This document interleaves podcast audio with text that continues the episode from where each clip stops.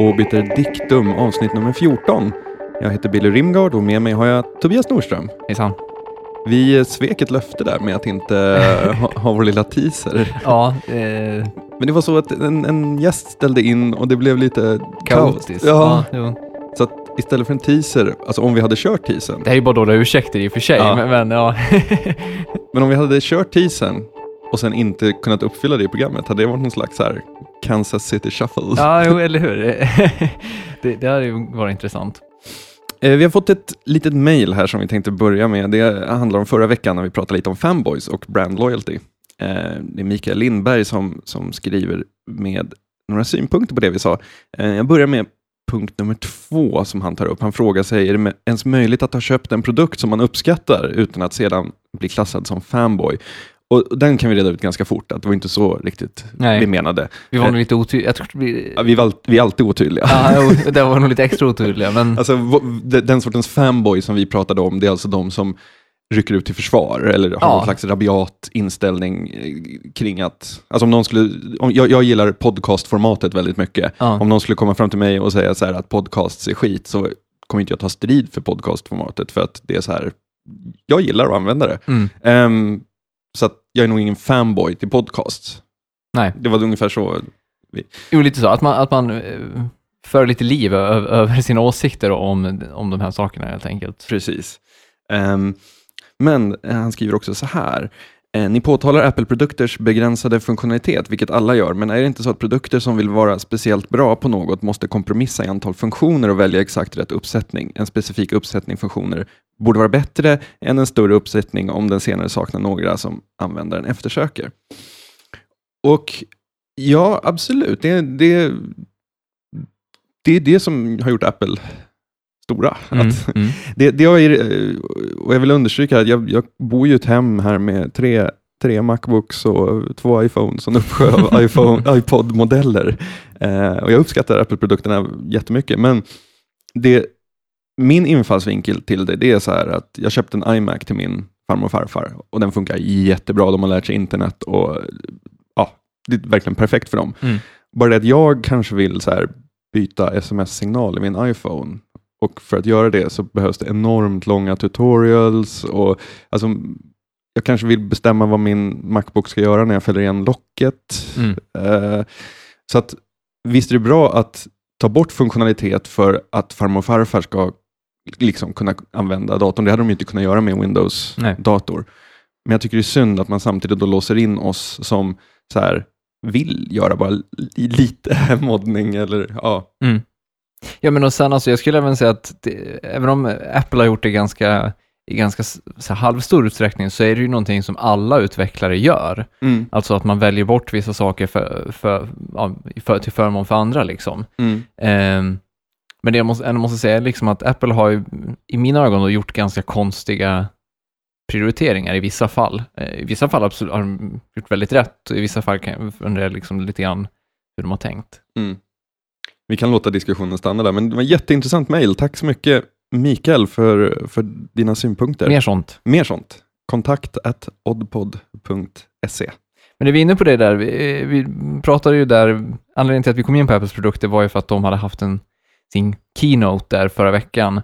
Eh, och den här veckan har det ju också, eller Det är bara keynote. ja, det är bara keynotes. Det är ju E3 som håller på i Los Angeles, så att Den stora eh, spelmässan. precis. Eh, Så att det har ju varit, varje dag har ju utvecklare och eh, vad heter det, konsolbolag och så vidare haft eh, presskonferenser, tillkännagivanden och mycket annat. Det knyter ju till- tillbaka lite till vi- det vi pratade om förra veckan, om förväntanskulturen Ja. och hypen också. Verkligen.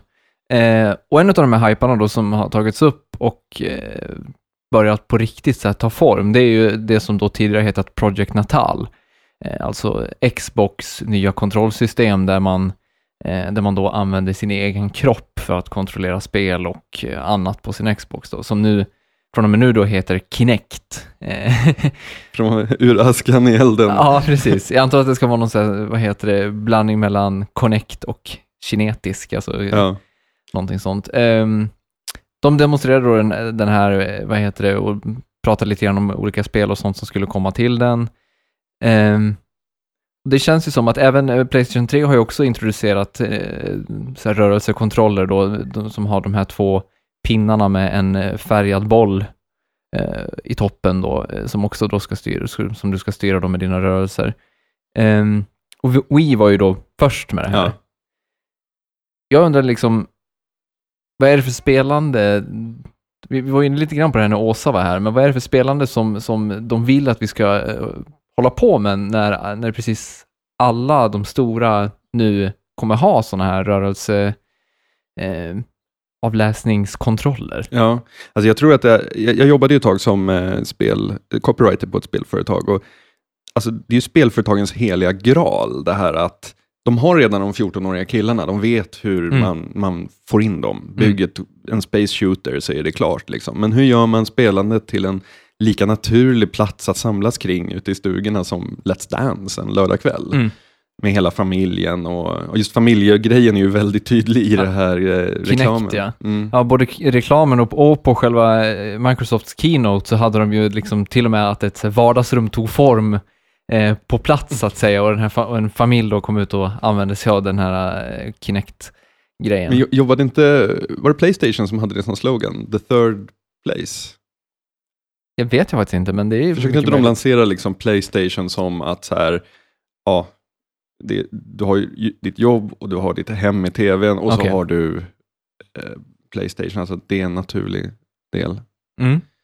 Men eh, alltså, samtidigt så finns det ju en ganska så här, tydlig ton i de här spelen som kommer. Mm. Eh, alltså det som demonstrerades på Microsofts keynote var ju till exempel eh, ja, ett spel där familjen stod framför tvn och skulle Mm. hoppa över hinder, fånga mynt, eh, leka med små söta tigrar och sånt här. Alltså det jag menar är att det är liksom inte eh, någon shooter direkt, Nej. direkt man demonstrerar. Nej. Eh, det, och liksom, finns det ens utrymme för att ha ett sånt spelande med sådana här kontroller? Eller är de liksom bara till för det här, eh, det här lite så här, vad ska vi säga, mm, Sociala, Ja, socialt aktiva, party liksom. gaming. I- ja, alltså, jag tycker man ska hålla isär de där två. För att det är en sak när man, om, om man vill stå och studsa på en motionplatta någonstans, så eh, då har man ju gjort det, att, då har man ju valt att nu vill jag stå och studsa. Mm. Eh, om man vill kicka tillbaka i soffan och spela, då, då har man gjort det valet. Och det är liksom två helt olika aktiviteter, Mm. tycker jag. Microsoft pratade till och med att det kommer vara omöjligt att spela Kinect sittandes. Ja. att, Precis. tråkigt för alla rullstolsbundna kanske. Ja, eller hur? Ehm, men alltså jag, jag, jag tror så här att när, när jag var liten så, min, min pappa växte upp med flipperspel. Så när jag hade ett Nintendo 8-bitars med pinball på ett så här kast flipper, flipperspel, dålig fysikmotor och allting, tyckte han det var jätteroligt. Då hade vi en så high score-tavla på en whiteboard i köket där man alltid skrev upp sin senaste eh, poäng. Och pappa spelade sent på kvällarna, så, här, så, så på morgonen när man gick upp så kollade man vad han hade satt för nytt rekord och sådär. Eh, men det var, ju, det var ju ett undantag för att alla andra spel var de ju inte så intresserade av, Mm. föräldrarna. Men nu så börjar ju en generation som är uppväxt med tv-spel få Mm. ungar. Mm. Och därför tror jag att de här, eh, den här sortens eh, myspys-spel också är ett sätt för föräldrar, alltså ge möjligheten till föräldrar att spela tillsammans med sina barn, Mm. vilket de säkert gärna vill. Mm. Och det är väldigt svårt att göra i någon så här stor, ja, man sätter ju inte sig framför EVE online typ med barnen. Ja, det, även, alltså, det finns även ett väldigt så här, vuxet drag i de här att eh, det är de här, um, alltså verkligen så här, träningsspel. Alltså till Wii Mm. finns det Wii Fit Mm. eh, och även, vad heter eh, Microsoft presenterar ju då ett spel från Ubisoft som, eh, som också hade ett liknande upplägg liksom. Mm. Eh, där det liksom mer eller mindre handlar om att och träna framför den här, eh, vad heter det, Kinect-kameran då. Mm. Eh, och det är ju, det, jag menar, den 15-åriga finniga killen som spelar Gears of War, det känns inte som att han, att han kommer stå och göra aerobicsövningar framför, framför tvn. Liksom. Eh, men, men, men min, alltså, det jag undrar är också så så liksom att finns det möjlighet och bör det finnas möjlighet att ta det här rörelsespelandet till en så här, om vi nu vill kalla det hardcore-nivå? Mm. Eh, Alltså har man inte gjort det lite med eh, Guitar Hero och de där? Alltså Mm. man kan spela det som ett partyspel, Mm. eller så kör man det på hard och liksom spelar in det på YouTube och lägger upp. Mm. Jo, det, det, Det är helt sant. Och jag tänker även på, vad heter det, vi spelar ju just nu eh, Super Mario Galaxy 2. Sjukt bra. Och sjukt roligt framförallt. Eh, Och det känns verkligen så som ett spel som i väldigt stor utsträckning lyckas eh, inkorporera båda delarna. Alltså det, det, det känns som att det är både ganska så här familjemys-pys-vänligt eh, och även då ganska så hardcore-vänligt. Mm. Ehm, Ja, men vi sitter ju och så här, blir lyckliga som små barn när man träffar Yoshi. ja. Men sen så sitter vi och är frustrerade när det är någon så jobbig pussel-level. ehm, ja, där Mm. man måste tänka. Så att där får man ju lite både och. Men jag tror att en, eh, eh, vad, vad Super Mario Galaxy 2 har gemensamt med många av de här partyspelen för, med motion sensor Mm. det är det att man bara kan döda lite tid med dem. Mm. Man kan starta upp dem och köra dem en halvtimme och sen stänga av och gå vidare. Alltså de här stora, ja, citat, viktiga spelen Mm. som har långa stories och enorma världar att utforska och sånt där. De kräver ju faktiskt att man sjukskriver sig en vecka och Mm. kör hårt liksom. Jo, helt klart. Eh, men återigen, alltså, vi, jag vet inte, alltså, vad, vad är poängen du letar efter här? Nej, alltså- Vart vill du komma? Ja, alltså jag vill på något sätt ha mer hardcore med, med rörelsegrejer. För att jag Ja. tycker, alltså på, nå- på något plan tycker jag att det, hela den här rörelsegrejen är eh, en bra idé. Mm. Eh, och, och det känns som att man kan göra väldigt mycket med det. Alltså det öppnar upp för väldigt mycket kre- kreativitet för Mm. spelutvecklare. När man inte längre behöver ha liksom, ja, men 16 knappar och Mm. se och så många funktioner, utan det helt plötsligt är liksom helt andra regler som gäller. Mm. Eh, och det känns så att man borde liksom kunna göra Men jag tror, jag, jag, förlåt att jag avbryter, men jag tror att det beror på att spelutvecklarna är så nervösa för att försöka göra det, för det är ju verkligen någonting som inte görs. Antingen Mm. gör man de mjuka spelen med motion sensor eller så gör man hardcore-spelen med handkontrollen med 16 knappar. Mm. För man märker ju när de försöker inkorporera olika sorters så här rörelseavläsarteknik i lite mer hardcore-spel så blir det ofta taffligt. Mm. Man, man tvingar in det någonstans bara för att man har möjligheten att göra det. Eh, Så jag tror absolut att potentialen finns. Mm. Eh, Men det kommer ändå, så här, någonstans kommer det ändå alltid vara så att en first person shooter är lättare, eh, då ändå större precision med en, med en mus än med en, någon slags gevär. Mm. Jo, så, så är det nog. Det är nog helt sant. Men jag menar, alltså jag, jag blir mer peppad på när de visar Kinect, när de visar de här, när de sitter och kontrollerar, när man tittar på film, typ håller upp handen för att pausa filmen och, Ja. och vad heter det, sitter och bläddrar i filmbiblioteket genom en handrörelse och sånt. Alltså sånt lockar mig betydligt mer. Minority Report. Exakt, hela, hela Minority Report-grejen. Ehm, och, det, men och det tror jag faktiskt har att göra med just alltså, spelutbudet som, som, som finns. Alltså, jag vet inte om jag är så sugen på att ha ett husdjur i min Xbox 360. Jag har, jag har två som springer runt i lägenheten och det, det räcker ganska bra. Mm. Ehm, och det, alltså liksom, och den, den delen lockar mig. Ehm, så att, vad vill jag med det här? Men det, det handlar väl om att använt på rätt sätt så blir det bra. Ja. Men om man bara lägger till det för att det ska vara där, så Det finns liksom- ingen anledning. det är Som liksom bra- 3D-film. Ja, precis, exakt. Jo, men det, det, är liksom, det, är, det är bra teknik, men de gör inte riktigt det jag vill att de ska göra med Nej. det. Förstår du vad jag menar? Visst. För det känns, alltså i det här fallet så känns det som att Playstation 3 har ett, eh, med, med sina kontroller har ett bety, eller liksom, kanske inte betydligt, men tydligare så här hardcore grepp, eller kanske inte direkt hardcore, men alltså att, att ett spelande som, som eh, håller fast vid de traditionella spelen, men de spelas på ett nytt sätt. Alltså de demonstrerade ju eh, ett trollkarlsspel till exempel, där vad heter det, de här två handkontrollerna då användes för liksom att ja, kasta runt eh, eh, trollformler och göra rörelser i olika eh, kombinationer för att framkalla eldväggar och så vidare. Jaha, det var, det var ett magikerspel, inte trollkarl. Ja, Det är viktigt att hålla skillnad där, annars tänker man Bear. Jaha. Jag, jag, jag trodde man skulle dra ut kaniner ur hatt och grejer. Ja, nej, nej, nej. Jag, jag, bara kände så här, oh, oh, nu går når vi någon slags all time low. nej, alltså, nej det, var mer, mer eh, Gandalf liksom. Ja. Ja, men då så. Det, det, det köper vi. Ja, jo. Ehm, och även så har de haft de här bågskyttespelen, eller det är bara någon slags demonstration av vad man skulle kunna göra. Mm. Liksom. Ehm, och här finns det ju ändå tydligare, alltså, Microsoft hade ju för, i och för sig då, de visade ju någon slags Star Wars-grej där man battlade lightsabers, Mm. men det såg ganska, det såg ut att fungera sådär. Men jag spelar Avatar på Wien där man flyger de här eh, djuren genom att balansera på motionpaden. Mm. Och jag bara kände så här, åh, vad påtvingat. Ja, Alltså, jo. ja, det, någonstans tror jag ändå att man måste falla tillbaka på det här, men det är ungefär som, jag tror man måste se som de här motion sensor-grejerna som bra grafik. Mm. Alltså att de, de fyller samma funktion, att ja, de kan tillföra jättemycket i spelvärde, men det är fortfarande bara en, en, en grej. Mm. Alltså tänk på spelet, spelmekaniken, vad, vad är det som är bra? Så du tror inte att, om vi, att vi om 50 år inte har några handkontroller längre? Alltså 50 år är farligt, fem år tror jag att vi har det fortfarande. Okej. 20 år då? Det vet jag inte. Nej, Då hoppas jag att vi jackar rakt in i eh, neural network-grejen. exakt. Jag önskar att Åsa var här, hon hade säkert haft bra... eh, Hon hade garanterat haft bra, bra synpunkter på det här. Hon hade garanterat kunnat berätta för oss vad problemen låg från en utvecklarsida med, med, med, med mitt sätt att tänka. Vi får plocka in henne i höst igen när det här har kommit och det har börjat komma spel. Ja, det är när vi har provat det alla tre liksom. För vi har fått förlängt en säsong till, eller hur? Ja, jo, vi har fått clearance från studion att, Ja. att det blir en säsong till.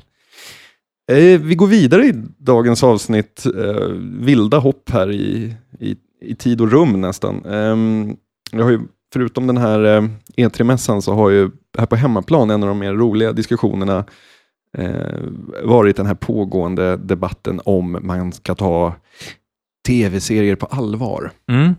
Allting började ju med en text från Jonas Tente där han tyckte att DVD-boxen är den nya romanen. Vilket så här, jag kanske kände 2002. Ja. Men okej, han, det var, det var liksom, han skrev om Mad Men, eh, boxen och eh, skrev bra där om eh, att tv-mediet nu har eh, börjat kunna hantera karaktärer och så vidare på, Mm, på ett mm. lika djupt sätt. Och fick då direkt mo- mothugg från Malte Persson som röt. Och det var väl Malte Perssons text som framkallade en mindre lavin av kommentarer på olika ställen, framförallt Weird Science och FLM var ju väldigt eh, högljudda där.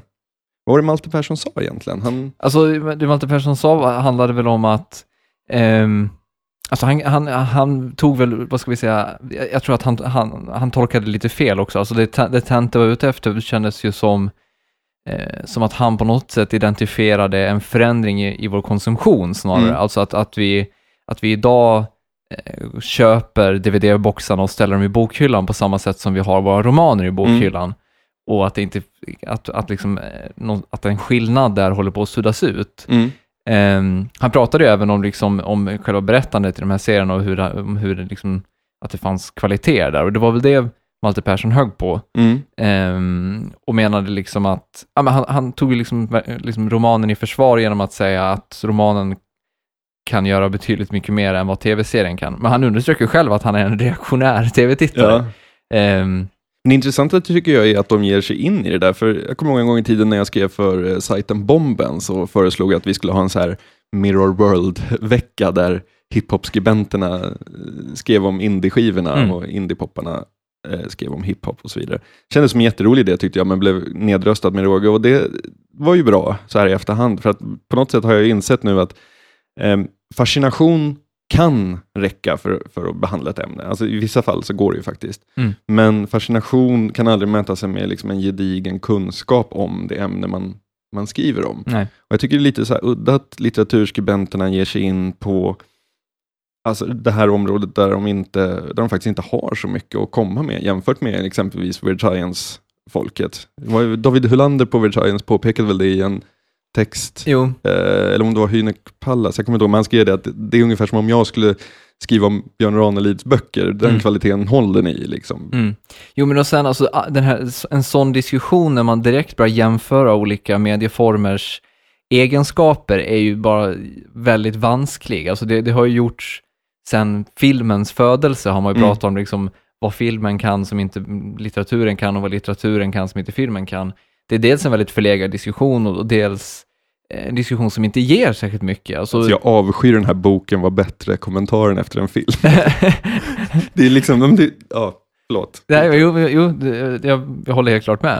Eh, men det blir liksom, det blir, det blir ganska snabbt stiltje i debatten, för det räcker i princip med att någon säger att, men vänta, det är liksom två helt olika uttrycksformer. Det är ungefär som att jämföra romanen med en faktabok Mm. och säga att ja, men romanen berättar det här mycket spä- mer spännande. Ja, jo, Mm. det är för att det är anpassat för att vara spännande. Ja. Alltså förstår du vad jag menar? Det, det är två ganska radikalt olika former av berättande eh, som, som, eh, som har vissa gemensamma nämnare och det är väl därför man jämför dem, men som, som tar sig extremt olika uttryck. Ehm, men det, det väcker också liksom frågor jag tycker är ganska intressanta och liksom, som handlar om liksom att, att hur, hur, hur till exempel påverkar medierna, mediet som du konsumerar den innehållet så att säga. Alltså, eh, kan, får, du samma, får du samma känslor och eh, idéer, eller vad vi ska säga, när du läser en bok som när du ser en tv-serie till exempel? Nej, jag påverkas väldigt annorlunda. Det gör Okej. jag. För ehm, jag, jag har tänkt ofta på det där med de här, alltså så här gamla Springsteen-epos, Incident on 57th Street och sånt. Mm. Ehm, hur extremt levande världar som målas upp i den sortens musik. Mm. Eh, eller det går väl att bara ta en, en så här Håkan Hellström-låt, så här, Ramlar. Mm. Liksom. Man, man, man ser ju en hel film eller en hel bok eller vad man nu vill spelas upp framför en. Eh, och så tänkte man så här, skulle man kunna skriva en, en roman som gav exakt den här känslan? Nej, det skulle man inte. För att det är ett annat medie. Men du, men, eh, du kan aldrig bli så lyrisk när du lä- vad heter det, läser en roman, Jo, absolut. men inte på samma sätt. inte sådär som man, med en bra poplåt, när man liksom bara slänger armarna i luften och skriker rakt ut för att det bara är så här, ja, det här är så bra. Mm. Eh, utan det är väl mer att man så här, åh gud, vad är det som händer här? Alltså att man stannar, Ja, man blir mållös, måste typ lägga ifrån sig boken och koka kaffe för att det, det är så stort och det drabbar en. Liksom. mm. Eh, men det är ju två, ändå två olika, eh, två olika känslor kan jag känna. Jo, det, jag, jag håller nog med. Eh, Malte Persson skriver där att, vad heter det, han menar att skönlitteraturen är, eh, jag citerar, på det sättet helt enkelt lite intelligentare. Den kan innehålla både analys och syntes, alltså på en högre nivå eh, än den där mottagaren ska känna sig smart för att han tänker, visst ja, folk rökte på den tiden. Och där refererar han ju till att man ser i Mad Men att folk röker hela tiden. Ehm, eh, och alltså, jag kan hålla med lite grann om, om, om det här med att du i, i, i, litterär form kan elaborera vissa saker eh, på ett annat sätt än vad du kan göra i, eh, i en film eller en tv-serie. Alltså, Mm. Du kan ju visserligen ha inre monologer, men det är ganska krystat om man, om man låter dem ta allt för mycket plats och innehålla vissa saker. Mm. Ehm, men samtidigt så känner jag att, att det, det, det han skriver förespråkar ju på något sätt att man på något sätt skulle vara mer aktiv när man tittar på tv-serier eller, eller på film, för att då handlar det om att dra de slutsatserna själva. Alltså även om det är en sån övertydlig sak Mm. som titta vad mycket de röker, Mm. så handlar det även om att det är du som tittar som måste dra slutsatsen att de röker hela tiden. Mm. Eh, och det blir ju ännu mer, vad ska vi säga, för att använda hans ord, intelligent när det blir mer, vad heter det, djuplodande saker. Alltså Mm. Saker som du måste koppla till eh, händelser i en tv-serie som du måste koppla till saker som händer för flera avsnitt sen, eller alltså sådana saker. Mm. Eh, så att i den, i hans eh, synsätt där så skulle jag mena att att, att tv-serien blir precis lika intelligent Ja. i och med att den kräver en hel Absolut. del av, av sin tittare. Mm. Jo, men det håller jag med om. Och sen så handlar det väl också om vad, alltså vilken litteratur pratar vi om? Vilka tv-serier Ja, pratar vi om? också givetvis. För, för alltså, om man tar en just en sån, sån serie som, jag tycker det är förvånande att det är just Mad Men som det blossar upp kring. Alltså om det hade skett kring The Wire, Mm. så liksom hade jag kanske varit med på det på ett annat sätt. Men jag tror också, eh, förlåt att jag avbryter Ja. dig, men jag, jag tror att det där, där handlar det väldigt mycket om att The Wire liksom bara på något sätt går att se som ren realism. Ja. Och då, han, då behöver man inte diskutera formen ett dugg. Nej. Man behöver inte prata om rekvisita, kläder, no, någonting sånt överhuvudtaget, utan då kan man istället bara diskutera samhällsproblemen som den skildrar. Liksom. Alltså Ja. den, den blir bara didaktisk. Liksom. Ja. ja men för det finns ju mycket litteratur som är så här ren, ja vad ska man säga, ren eh, uppväxthistoria. Mm. Som inte gör några ambitioner på att, eh, ja, alltså det är klart att man alltid ska anlägga en analys av saker och ting. Mm. Visst. Men jag har så svårt att se det här att, att sitta och tjafsa om vad som är mest eh, intelligent. Det är lite fanboy, Ja, fanboy-beteende. Men Jan- Gradvall skrev en väldigt bra reflektion där han citerar en från kommentarsfältet till eh, en postning av David Hylander på Weird Science. Där den här kommentatorn han skrev någonting i stil med att ja, om nu Malte Persson har så många bra böcker så skulle jag vilja att han missionerar om dem så jag också får läsa dem. Fast det gör ju Malte Persson varje vecka, känner jag. Men ja, Ja, men alltså det, det är ju en generell, alltså ja. litteraturkritiken har, jobbar ju traditionellt inte med så här som hype, Nej, som vi pratade nej, om förra listan, Mm, eller mm. topplistor. Och, eh, alltså, de, de tar ju ett väldigt hög ansats i sina texter Mm. och, och, och ska ju diskutera då det här Det går liksom tydligare under parollen kritik. Liksom. Ja, Mm. precis. Alltså jag, jag, hittade, jag bara kollade igenom och hittade en, eh, ehm, eh, en mening från en bokrecension i DN där det står att eh, det är en vacker skildring eh, Eh, förlåt. Porträttet av lärarinnan Stella är gåtfullt. Hon säger inte mycket, verkar frånvarande och vacklar i ett limbo mellan auktoritativt förnuft och förbrännande känsla. Och det är en jätte, alltså, det, det är jättebra Mm. skrivet, Mm. absolut. Det, är, det, det, är en, det, det är en recensionstext, men det får ju inte en att känna den här samma, så här, åh herregud, det här måste jag läsa, som man gör inför när någon verkligen brinner för en, en tv-serie eller en poplåt. Mm. Ehm, men, men tycker du att det är fel att sitta och säga att de behöver liksom damma av sig och, och bli roliga? Eh, alltså, nej, jag, alltså jag, jag skulle snarare hävda lite grann motsatsen, att, att, att populärkulturen skulle behöva ett lite mer Ja. kritiskt öga emellanåt. Ja. Alltså, att, att, eh, att man som musik, tv eller filmskribent i- tenderar att fastna i sådana saker. Alltså det är liksom, Mm. antingen så är det hyllningskören eller så är det sågen. Mm. Eh, och däremellan så är inget intressant. Alltså det, det finns liksom ingen nivå där man är beredd att diskutera eh, en skivas komposition, alltså eh, varför den låten ligger där, eller förstår jag menar, alltså, sådana saker, för att då blir antingen, antingen avfärdas det som nördigt, eller så är det liksom bara, men kom igen, det är populärkultur. Men bottnar inte alltid i att exempelvis en poplåt eller en film eller en tv-serie i grund och botten är ett kommersiellt projekt? Alltså det handlar om eh, topplisteplaceringar, skivförsäljning, produktplacering, eh, sp- sponsrade turnéer eller vad det nu må vara. Men i grund och botten så är det inte ett kommersiellt projekt. Sen Mm. att vi läser in massa betydelse i Mm, en mm, poplåt. Visst? Jo, eh, Samtidigt som alltså, litteraturen, det, då är, det- det är något så här utelämnande personligt verk som, ja, som inte gör anspråk på... Jo, alltså vi- visst är det så.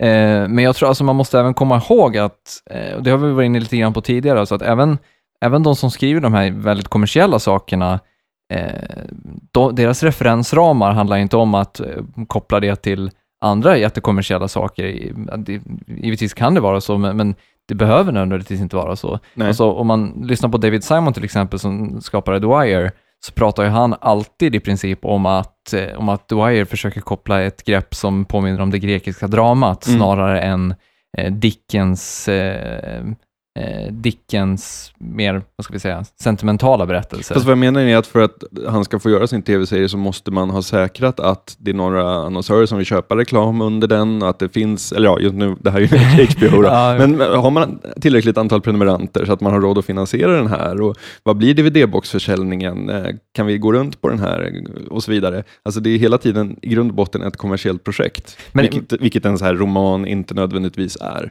Inte nödvändigtvis, men jag skulle säga att tv-serien eller filmen eller musiken är nödvändigtvis inte det heller. Alltså, eh, Dan Brown gn- gnuggar garanterat fingrarna, eller händerna och funderar över vad som liksom kommer få absolut flest läsare och vad som kommer sälja bäst när han skriver sin nya roman. Eh, precis som att när de sätter ihop sommarens blockbusters så sitter också någon producent och gnuggar händerna. Alltså, Mm. man måste, om man nu nödvändigtvis måste jämföra så får man ju liksom ta jämföra kvalitetslitteraturen med kvalitets-tv-serien, Ja. eller förstår du vad jag Ja. menar? Eh, För annars blir det väldigt orättvist ganska snabbt liksom. Mm. Eh, och jag, jag tror det, det där går även igen i popmusik liksom. Fast- Fast jag menar ändå att det, det kan sitta någon, någon, någon liten poet som skriver fantastisk eh, eh, poesi någonstans och ger ut det själv på något litet förlag och inte har några som helst ambitioner på att ens få trycket betalt. Och han eller hon kan vara helt fantastisk. Mm. Men för att en tv-serien ska kunna produceras, oavsett vilken ambitionsnivå du har, Mm. så måste, det finna, måste den vara kommersiellt gångbar. Alltså det, är- det är en skillnad där i Jo, jag förstår vad du menar. Ehm, jo, alltså just tv-serier och film lider ju li- lite grann av det. Ehm, men alltså jag skulle ändå säga att det finns ett sånt så pass stort intresse att du kan göra saker som är väldigt kvalitativa mm, eh, och som nödvändigtvis inte måste vara så här jättepublikfriande liksom. mm, Eh, David Simons nya serie Tremay hade till exempel premiäravsnittet en miljon tittare. Mm. I svenska mått mätt är det väldigt mycket, men i amerikanska mått mätt är det ingenting. Liksom.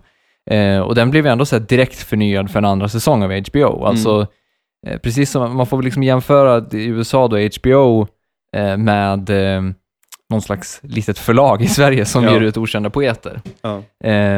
Men, men det är klart att det blir helt andra proportioner. Jämför man med till exempel musiken så finns ju istället betydligt större möjligheter för den som sitter hemma på kammaren och gör smala saker. Liksom. Men för jag kan uppleva att jag, jag, jag spelar ju på något vis alltså den ignoranta popkultur-trash-människan här, eh, men, men jag läser ju väldigt mycket citat seriös litteratur också. Mm. Men jag har väldigt, väldigt svårt att navigera mig i den världen, för att jag kan inte så himla mycket om, om litteratur. Mm. Och ofta är recensionerna är ofta så tyngda av referenser och ehm, alltså väldigt, väldigt svårt att bryta sig igenom den yttersta muren. Man fattar om det, om det här var lysande eller inte, men man har väldigt svårt att ta till sig det kringliggande faktan som man ändå vill ha innan man bestämmer Mm, sig mm. för att läsa. Men handlar inte det också lite grann om, alltså, tror du inte att det kan, vara, på- att det kan fungera på samma sätt för en person som icke är invigd i populärkulturen, eh, när de läser en eh, skiva, eller när de läser Strages recension av Robins nya, som det han delar ut full poäng liksom, eh, att har man inte de, den kunskapen om Robins karriär eller om eh, de, om man inte har samma liksom referensramar, eh, så kanske man även då har svårt att ta till sig. Eller, eller tror du det är så mycket allmängods, så att säga? Alltså att populärkulturen In- är så pass bred? Nej, inte nödvändigtvis, men inom populärkulturen så har du ehm, betygsskalor och skribenter som inte tvekar för att verkligen hylla och vara lyriska och försöka liksom fånga det här ögonblicket som har drabbat dem när de lyssnar på låten och fångar det i i text. Mm. Medan i eh, alltså litteraturkritiken är ju betydligt svalare även när de tycker någonting är väldigt, väldigt bra. Mm. Eh, och försöker ändå hålla huvudet kallt med någon slags distanserad eh, ja, analys. Mm. Jag, alltså jag, jag får väl på något sätt träda fram som försvarare av det. då. Alltså jag Mm. gillar ju de- den, den positionen väldigt mycket gentemot eh, kulturkonsumtion i stort. Alltså jag, som jag sa, jag, jag önskar att det, att det skulle finnas mer sånt om eh, både film och tv-serier. Alltså det, för mig finns det inget problem att inta ett sånt perspektiv eh, när du, vare sig du recenserar eh, ja, en ny roman av Omar, Omar eller Orhan Pamuk eller om du recenserar Prince of Persia. Alltså, Mm. eh, som sagt, det blir ju helt, ett helt annat upplägg och det blir helt andra referensramar, men du kan fortfarande förhålla dig kritiskt utifrån vad det är, eh, vad det är, de, vad det är du ser, så att säga. Ja, eller kan man det? Alltså, Prince, Prince of Persia, alltså, just många, den, den sortens actionfilmer, just recensionerna på dem, när det har, den har lagts ut på någon som är lite mer alltså film, eh, eh, ja, filmkunnig, så Mm. att säga. De förbiser ofta det faktum, tycker jag, att en sån film inte nödvändigtvis behöver vara, det är ju en matiné, den behöver inte vara särskilt bra. Nej, men det, där, i matinén finns det ju också en, eh, en hel tradition och eh, eh, olika former av eh, kvalitetsanspråk och sånt att förhålla sig till. Jo, men om nya Transformers-rullen recenseras så vill inte jag höra att den har platta karaktärer och ingen handling, för att jag fattar att den inte har det. Är robotarna coola? det undrar jag ju. Ja, jo, jag- jag förstår vad du alltså, Det är menar. ju underhållning på ett helt annat sätt. Alltså, det, det är ju som att bryta ner ehm, och, och sitta och försöka bryta ner en, en schlagerlåt. Alltså, du vet, den är skriven för ett syfte och liksom den behöver inte innehålla någonting. Den, den får miljoner människor att dansa och räddar sommaren för, på campingen, men du, du kan inte bryta ner den i någon slags sån här romantisk text som man kan skriva om Phil Spectors produktion av någon låt. Nej, men alltså samtidigt så, eh, jag, alltså jag ser det som att även i en film som Transformers så kan du fortfarande gå in på eh, och, och fundera över saker som, alltså varför har de valt att göra så här? Alltså Mm. varför har de valt att använda en sån här ljudproduktion eller, eller liksom använda CGI till att göra de här sakerna och så vidare och så vidare. Så Mm. förstår jag menar? Du kan fortfarande diskutera ehm, eh, var kvaliteterna ligger och var svagheterna ligger inom ramen för den formen av film. Mm. Eh, alltså, sen, det, behöver ju liksom inte bli regelrätta sågningar bara därför. Eh, bara du tar liksom i beaktning att det här är en sån film, det här handlar inte om karaktärsutveckling, så, så, så, vet du ju ändå att det handlar om andra saker. Ja, Och det är de man måste eh, se till. Och det, det gäller ju även en, vad heter det, en tv-serie eller en roman, mm. känner jag. Mm. Men du sa ju lite tidigare där att du, eh, önskar att du skulle se mer av den sortens analys av popkultur. Men jag kan ibland undra så här, allt snack om att vi måste ta popkulturen på allvar och så vidare. Är, Mm. är den värd det? Ja, alltså den är ju värd det, om inte för, för sitt innehåll, så för sin, eh, för sin bredd. Alltså, håller du alltså jag, Ja, jo, alltså det vi gör här är väl på något sätt, vi har ju suttit i 14 avsnitt och tagit popkultur på, på allvar. Eh, men jag menar att jag tycker man har hört det ända sedan så här, tidningen Pops glansdagar, när deras slagord var, var att vi tar popkulturen på allvar. mm, Eh, och det här är ju samma diskussion som, som pågår nu, Mm, att mm. Eh, entusiaster inom ett popkulturellt nischområde eh, tycker att de här som är klassiskt eh, konstkritikskolade, eller vad man ska säga, inte, inte fattar någonting. mm, Eh, men samtidigt så, så kan jag verkligen känna så här att, ja ah, okej, vi går och ser Transformers 2 och ja, robotarna gör så här sexistiska kommentarer till Megan Fox karaktär och men du vet. Mm. Och då känner jag så här, finns det någonting i den som gör att den förtjänar att tas på allvar, annat än att man kan konstatera just att ah, men den är sjukt sexistisk och liksom grabbig. Ja, alltså det, det, det för mig handlar om är ju liksom att, att, att ta det på rätt sorts allvar. Alltså Mm. att, ehm, alltså det, det handlar liksom inte att prata om, eh, om Transformers som liksom någonting som är, som har ett konstnärligt värde eller, eller ens liksom ett Mm. kreativt värde, utan det handlar mer att, att, att syna den som liksom en, för det är ju fort, även ifall det är liksom bara en ren hjärndöd matinérulle, så, Ja. så är det ju fortfarande eh, en kulturprodukt som väldigt många konsumerar. Mm. Alltså det är väldigt många som går och ser en, en sån film och därigenom så blir den ju intressant för att den intresserar många, alltså bara av den anledningen. Eh, Och det, alltså där finns det även en diskussion, alltså var, var, varför dras så många till det? Mm. Eh, men det är ju det är ju en helt annan diskussion. Mm. Men, men, men alltså samtidigt, det finns ett intresse att, att, att, att syna även sådana såna ganska ytliga saker, eh, så länge man liksom behåller medvetenheten att de är ytliga. Mm. Förstår du vad jag menar då? Ja, Håller du med? alltså, om, så, länge man, alltså, så länge man köper att okej, det här är ren och skär yta, Mm. nu ska vi se vad vi kan göra med det. Så- Men, jag, men sen är det är Men det, det är också lite vad vi gör här, Ja, eller hur? Alltså sen när vi diskuterade superhjältar här i några avsnitt, eh, för, för några avsnitt sen, och gick tillbaka till Gilgamesh och funderade över mytologier och Mm. sånt där. Ehm, jag tycker det är en jätterolig ro, rolig snack att ha och jag läser och lyssnar gärna på den sortens snack. Men är det inte bara så att vi, alltså försöker man inte bara polera eller läsa in saker som kanske inte finns? Eller? Alltså jag tror verkligen inte det. Nej? Alltså, eh, dels det som jag var inne på tidigare, att det, det är så sjukt utstuderat av folk som skapar sådana här saker. Alltså, Mm. även ifall det är, det finns givetvis, givetvis undantag, men även ifall det är rent jättekommersiella saker, så sitter det ganska så intelligenta människor och gör dem, Mm. i många fall i alla fall. Mm.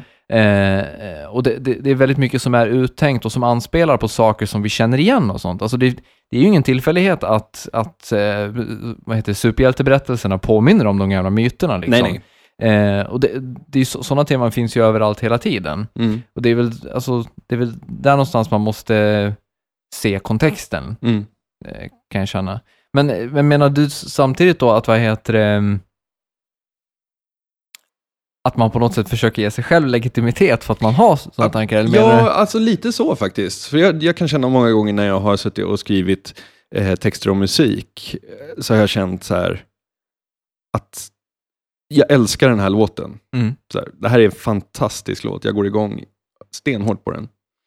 Och sen så kan jag inte på något sätt, eh, jag kan egentligen inte berätta varför jag gör det, Mm. utan den, den träffar på rätt ställe liksom, Mm. och, och får mig att eh, le och, och dansa. Men sen då när man ska sitta och försöka skriva någonting om det och försöka fästa det här på papper om hur bra den egentligen är, i det läget så börjar man liksom söka efter referenser eller eh, klipper bi- filmer som man kan, eh, liksom, den här karaktären i den filmen skulle ha älskat att vandra in i solnedgången till det här. Alltså förstår jag menar att man, man klär på och klär upp den här låten på ett sätt som egentligen kanske inte behövs eftersom man ska skriva en text om den. Men är inte det, alltså det är väl det på något sätt, eh, alltså om vi går tillbaka till litteraturkritikerna, det är väl det på något sätt, ehm, det, de, det man vill göra då är väl att man vill gå ur den positionen lite grann. Alltså Mm. även ifall du läser en bok och tycker den är helt fantastisk, så när du sen ska, ska liksom recensera den boken så handlar det inte om att berätta om hur fantastisk den här boken är, utan då handlar det liksom kanske om att ta ett steg tillbaka och fundera över Och vad skulle man göra det i musiken så är det skulle det här vara bra? så här, äh, Varför är det bra? att, att lägga rumseko på eh, pukorna, det var ett jätteklokt drag av producenten. Alltså förstår jag menar? Man, man avsexualiserar ju själva upplevelsen ja, men det är sätt. bra menar jag. Ja. Det, det, det är väldigt bra menar jag. Ja, okej. alltså, för, för Jag, har- jag har alltid försökt jobba mer med just det här associationer och sånt, i ett försök att fånga den här känslan som jag får Mm. inför låten. mm, Eh, snarare än att, att beskriva låten på något slags nyktert sätt och, och konstatera att ja, men alltså- gediget låthantverk. Men, men till exempel, du, du är ju en väldigt stor anhängare av Radio Department Mm. och många gånger skrivit eh, väldigt eh, exalterat om dem. Mm. Eh, men jag tycker även att du, du många gånger har, vad heter det, hållit en ton som, som, eh, som, som diskuterar Radio Department på ett, på ett väldigt så, balanserat sätt. Eller förstår du vad jag Mm. menar? Mm. Eh, det behöver liksom inte alltid vara att man bara ropar hej och säger det här är fantastiskt, utan alltså, i ett band som Radio Departments musik så finns det ju, det finns ju teman som ko- kommer tillbaka. Alltså, varför låter sången som den gör hela tiden? Mm. Förstår du vad jag menar? Alltså, det, det tror jag, ja, just det exemplet så absolut, men det har nog mycket att göra med också att i- början så skrev man ju de där världens bästa bandartiklarna. Och man kan ju inte skriva den hur många gånger som helst, utan eh, ett, ett band man lever med väldigt länge så där får man ju på något vis börja bryta ner i beståndsdelar och, ja, det, och det, diskutera. det är det jag menar är bra att göra ganska tidigt, Mm. tror jag. Mm. Eh, och alltså, visst, alltså populärkultur by- bygger mycket på det, du sa att man, så här, det blir lite mindre sexigt. Mm. Och populärkultur bygger mycket på det här med att det är ganska eh, hett liksom, eller förstår du vad jag Mm. menar? Alltså att man, Mm. Det, det finns liksom, att det bygger väldigt mycket på en, en, en direkt attraktion. Ja. Eh, och det är det jag känner, eh, det, alltså det, det handlar inte om att ta bort det, men det handlar om att ta ett steg tillbaka från det och som, som recensent eller kritiker inte låta sig förföras av det utan att se andra saker, alltså se vad i det är det som konstru- konstruerar det här, eller vad är, Mm. var kommer det ifrån i just den här låten eller den här, det här tv-serieavsnittet. Mm. Att dekonstruera det. Att det konstruerar, exakt. Och ehm, med det så går vi till